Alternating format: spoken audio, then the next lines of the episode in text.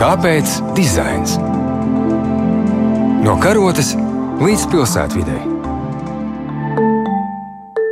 Labdien, mīļie radio klausītāji! Dienu no dienas mēs pielāgojam apkārtējo vidi atbilstoši mūsu vajadzībām un vēlmēm. Mēs radām arvien jaunus risinājumus, un nereti pat nepamanām, kā vakardienas ideja ir kļuvusi par tagadnes problēmu. Šodien raidījumā Kāpēc dizains mēs runāsim par ilgtspējību dizainām. Daudzi būs vienisprātis, ka, piemēram, plasmasas maisiņš nav labs dizains, jo tas kaitē videi. Taču vēl pirms 70 gadiem, kad tas tika radīts pirmo reizi, maisiņa autors Stens Gustavs Stulins bija pārliecināts, ka ir izdarījis planētai pakalpojumu, radījis iepakojumu, kas ir daudzkārt izturīgāks par papīra turzu. Katru dienu viņa kabatā bija viens maisiņš, kas tika lietots atkal un atkal, un viņš būtu nepatīkami pārsteigts, uzzinot, ka 2019. gadā statistika brīdinās par vienu triljonu saražotu plastmasas maisiņu gadā. Lielākā daļa šo maisiņu netiek pārstrādāta, tie rada nopietnu apdraudējumu apkārtējai videi, un, lai tie pilnībā sadalītos, būs nepieciešami līdz pat tūkstots gadi. Mums patīk vienkārši risinājumi. Ja celofāna maisiņš ir slikts dizains, dodoties uz veikalu, daudzi dos priekšroku skaistam brūnam papīra iepakojumam. Taču, lai izgatavotu papīra maisiņu, ir nepieciešams lielāks enerģijas apjoms nekā celofāna. Papīrs ir arī smagāks, un tā transportēšana kaitē videi vairāk. Tādēļ, lai papīra maisiņš kļūtu tikpat videi draudzīgs kā celofāna maisiņš, kas tiek pārstrādāts, Mums ir jāizmanto atkārtot vismaz trīs reizes, kokvilnas maisiņu 131 reizi. Mode ir nozare, kurā diskusija par ilgspējību turpinās jau vairākas dekādes. Katru gadu apģērbu ražošana ir iemesls tam, ka atmosfēra tiek piesārņota ar vairāk kā vienu miljardu tonu oglekļa dioksīda. Tas ir apjoms, kas pārspēj avio un jūras satiksmes kopējo radīto piesārņojumu. Viena kokvilnas tēja krekla izgatavošanai ir nepieciešami 2700 litri ūdens, džinsu pāra vairāk kā 10 000. Eiropas Savienībā kopumā tikai puse no apģērba tiek pārstrādāta, un tikai 1% atkal pārvēršas drēbēs. Es esmu ļoti daudz domājis par šo, es esmu ļoti daudz satraukusies par šo, un es esmu vairākas reizes domājis, ka varbūt man vienkārši jāmet pie malas mana nodarbošanās, vai arī kardināli jāmaina veids, kā vispār domāt par modi. Jo ir pilnīgi skaidrs, ka cilvēki gribēs realizēt modi. Tas ir vienkārši tāda cilvēka nepieciešamība, bet veids, kā realizēt modi, manuprāt, neaprobežojas tikai ar lietām. Indra Komarova ir apģērbu dizainere, zīmola Talented līdziepašniece un lektore Latvijas Mākslas akadēmijā. Stils nav drēbes. Drēbes ir tikai tā odziņa uz tās kūkas. Ko var iesākt ar mainīšanos, ko var iesākt ar uh, pārstrādi, vai arī pārstrāde vispār ir ilgspējīga. Šie jautājumi man ir nodarbinājuši, un vienīgā atbilde pagaidām, ko es pati varu realizēt un ko es cenšos darīt, un es uzskatu, ka pie tā ir jāstrādā dažādos līmeņos ir radīt pēc iespējas kvalitatīvāku lietu. Protams, tas ir lieliski, ja arī materiāls ir bioloģiski ražots, ja tas ir atbilstoši visdažādākiem standartiem, bet pat ja tas tā nav, ja lieta kalpos ļoti ilgi un netiks izmest, tas ir pats pats galvenais, kas varētu būt. Arī kā mēs uz modi raugāmies, vai kā uz biznesu, kā uz eh, dizaina kategoriju, vai kā uz mākslu. Jo mode, manuprāt, ir tāda ļoti īpatnēja kultūras parādība, kas ir kaut kas starp dizainu un mākslu. Es vienmēr salīdzinu modi ar ēdienu, tāpēc, ka es tur redzu ārkārtīgi daudz līdzību. Piemēram, 50. gados nabadzīgai sievietei ir dažas kleitas, bagātai sievietei daudz kleitas. Mūsdienās var būt situācija tāda, ka nabadzīgai sievietei ir daudz vairāk kleitu nekā bagātajai. Un, uh, tur arī veidojās tas absurds, ka tagad arī varbūt ar ēdienu, vairāk ēdienu, varbūt iespējams pat patērē nabadzīgāki cilvēki nekā bagātāki. Nu, labi, es tādās galējībās, bet man šķiet, ka tur arī sakņojās ļoti daudz problēmas. Tajā, ka, tas ir tik pieejams, ka tu vairs nedomā par lietu daudzumu kā tādu bagātības izpausmi. Tas ir kaut kas pašsaprotams. Tas ir gan arī cilvēktiesības, ka tu vari aiziet uz Edžinem, jebkurā brīdī nopirkt vēl piecas skrekliņus, katru savā krāsā. Startautiska vides aizsardzības kustība Extinction Rebellion septembrī Londonas modes nedēļā rīkoja vērienīgus protestus. Viņi aicināja pasākumu organizatorus, dalībniekus un viesus atteikties no līdzinējās pieejas un uzņemties atbildību par industrijas nodarīto kaitējumu apkārtējai videi. Lai arī apģērba ražotāji arvien biežāk iestājas par dabai draudzīgu ražošanu, strādā pie videi draudzīgām kolekcijām un eksperimentē ar pārstrādātiem materiāliem, vides aizstāvi šīs iniciatīvas uzskata par nepietiekamām. Ir arī dažādi ilgspējības trendi. Piemēram, pirms dažiem gadiem viens no lielākajiem satraukumiem bija par uh, to, kādos apstākļos tiek ražotas drēbes. Piemēram. Bija milzīgs sašutums, un sašutums ir absolūti saprotams. Par tām lietām ir jārunā, un par to runā un uztraucas, un tie apstākļi tiek uzlaboti. Bet neviena no šīm lietām nedrīkst skatīties šauri. Tā ir modes sistēma, kam ir jāmainās. Un uh, neko jau nemainīs tas, ja 15 fabriku lietā būs viena fabrika, kur maksā atbilstošas algas un kur ir lieliski apstākļi, un 14 fabriku strādnieki tāpēc paliek bez darba un iespējams vispār viņiem vairs nav kur strādāt, vai viņi dabūs strādāt vēl nežēlīgākos apstākļos. Un es domāju, ka jebkurā līmenī, jebkurā šajā ilgspējības jautājumā ir šie punkti, kurus mēs ar šausmām skatām diezgan šauri. Zīmols sev pozicionē kā ilgspējīgs, jo tur no pārstrādātām pēdas pudelēm taisa kurtku, bet rezultātā šī kurtka pēc tam nav pārstrādājama vispār. Un kāpēc vispār ir tāda situācija, vai šī situācija ir jāsvin, ka tagad mums no atkritumiem ir šī kurtka jāražo un ka tas ir kaut kas nenormāli krūts?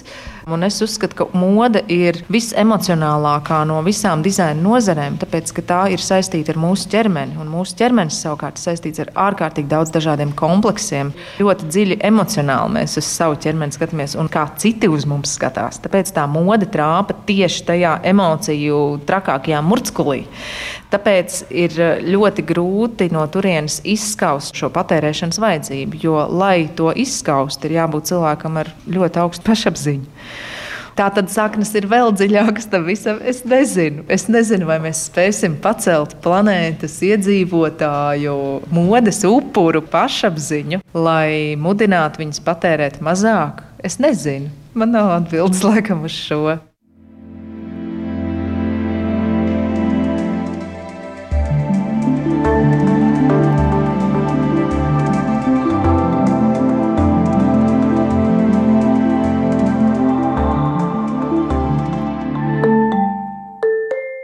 Ilgspējībai ir liela nozīme ne tikai priekšmetu, bet arī apkārtējās vides un telpas dizainā.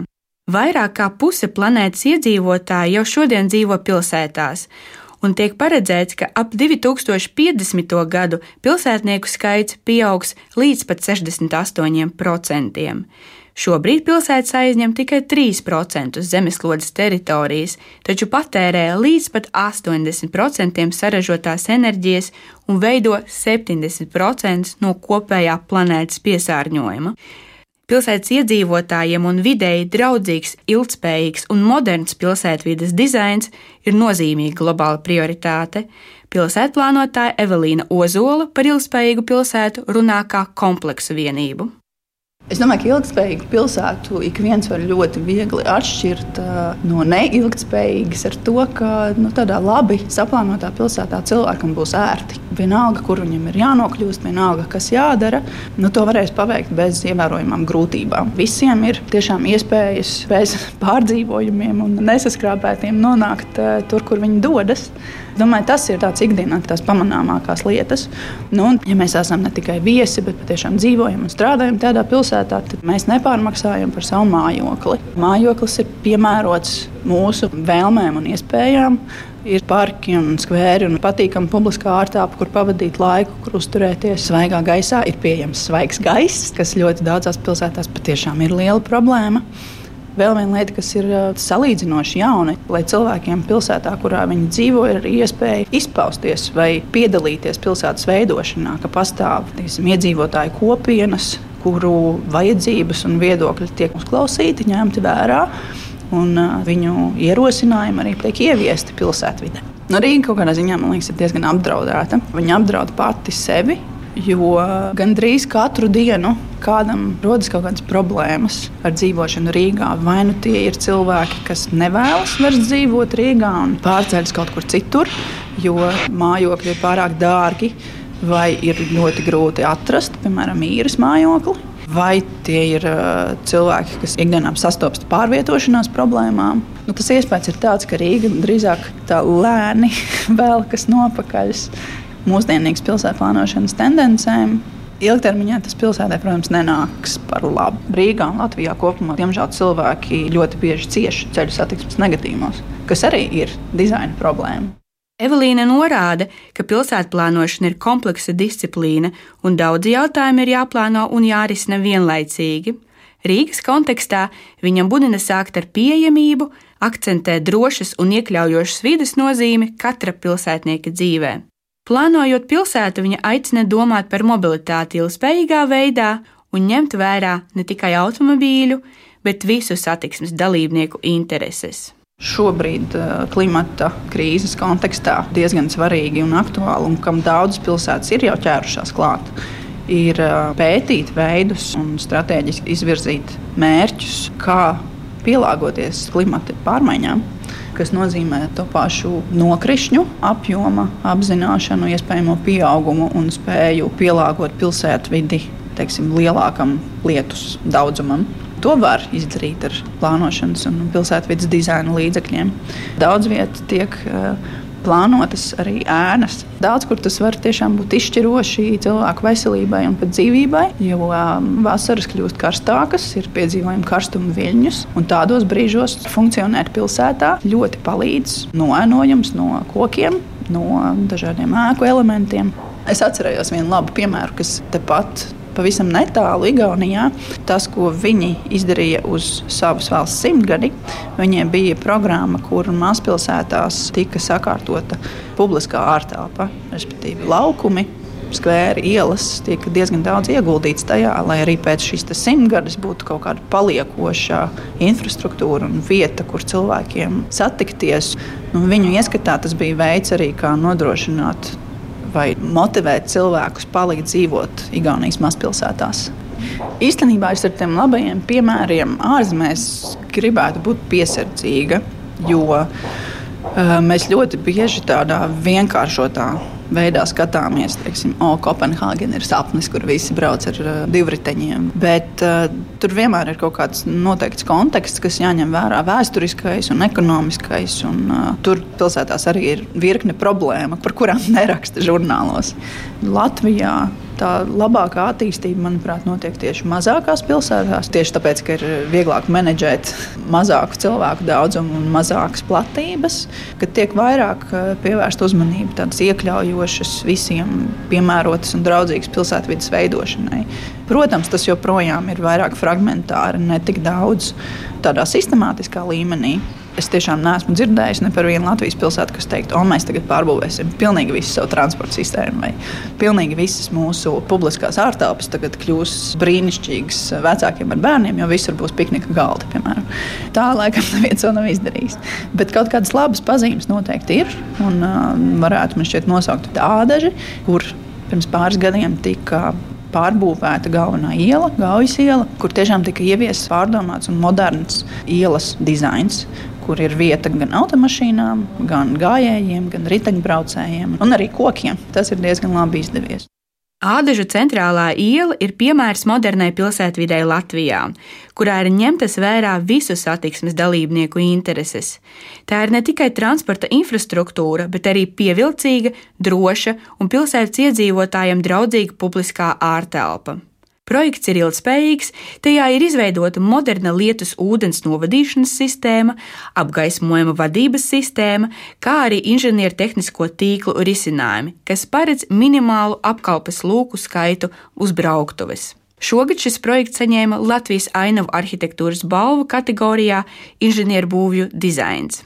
Ādažu pilsētas iegūmi ir tādi, ka renovējot eh, Gaujas ielu, mēs skatījāmies uz ielas publisko telpu kompleksi. Toms Kokins ir arhitekts un Gaujas ielas ādažos projekta autoru komandas pārstāvis.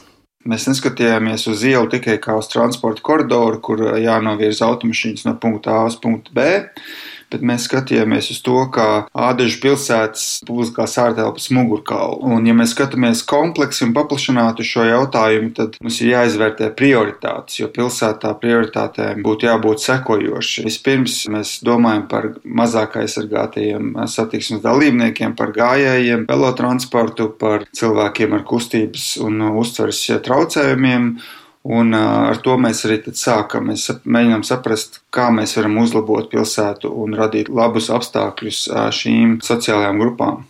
Tālāk mēs jau skatāmies uz sabiedrisko transportu, kā nākamo prioritātes punktu, un tad mēs skatāmies uz autotransportu, uz kravas transportu, piegādi, neatliekamo transportu. Tas arī atspoguļojās ielas dizainā, ka mēs nevis vispirms noliekam autotransporta maģistrāli un tad to, kas paliek pāri, atvēlam gājējiem vai apstādījumiem. Mēs jau no paša sākuma procesā cenšamies integrēt kompleksu skatījumu.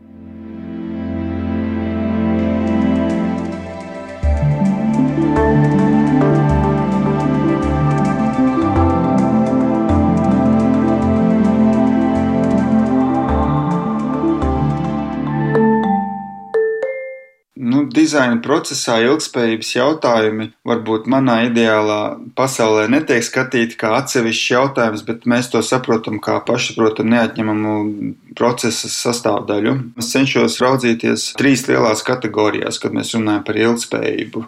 Ekonomiskā ilgspējība, sociālā un uh, vidas ilgspējība. Vides ilgspējība droši vien, kā piemēru var minēt, mēs runājam par ielas telpu, tad ielas un publiskai telpai kopumā būtu jādomā par to, kāda ir mūsu fiziskās vidas kvalitāte, kāds ir mūsu gaiss, ko mēs elpojam, un tie var būt, būt tādi tiešie vidas ilgspējības jautājumi. Ir arī netiešā ietekme ilgspējības ziņā, ko mūsu risinājumi var veicināt, piemēram, pārvietošanās veidiem. Mūsu risinājumi, mūsu dizains stimulē neilgspējīgas pārvietošanās veidus, bet tā ir negatīva ietekme uz vidi tās pašas gaujas ielas kontekstā var minēt, ja mēs radām pilsētu tādā veidā, kas veicina citus pārvietošanās veidus, alternatīvas eh, autotransportam, tad, eh, nu, attiecīgi, mēs domājam par vidas ilgspējību ilgākā laika posmā.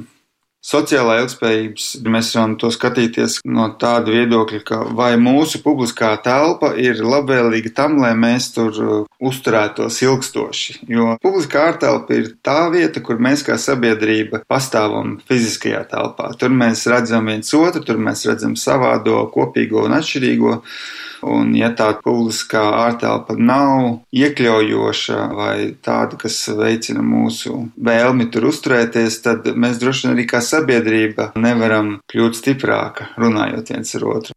Ekonomiskā vidas ilgspējība, to mēs varam skatīties no tāda viedokļa, cik tas prasa resursus mums radīt šos risinājumus šodien un cik tas prasa resursus to uzturēt. Kā viens piemērs ir komunikācijas un uh, ielas pamatni, kā mēs to sagatavojam. Ja mēs ielas pamatni un komunikācijas izbūvējam tā, kā mēs domājam par to, kā būs tiem cilvēkiem pēc desmit gadiem to ielu uzturēt vai labot vai remontēt, tad tas ir labi, bet ja mēs pārokam ielu katru gadu, tad tas nav pārāk ilgspējīgi no ekonomiskā viedokļa.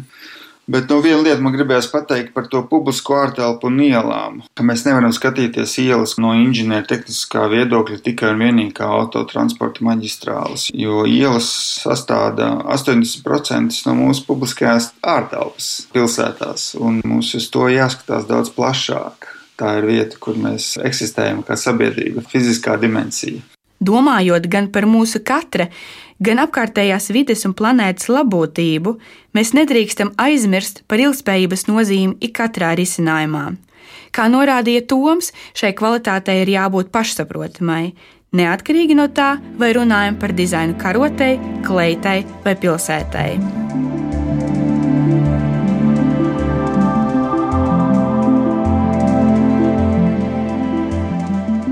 Raidījums Kāpēc dizains ir izskanējis. To vadīja Jelena Solovjova.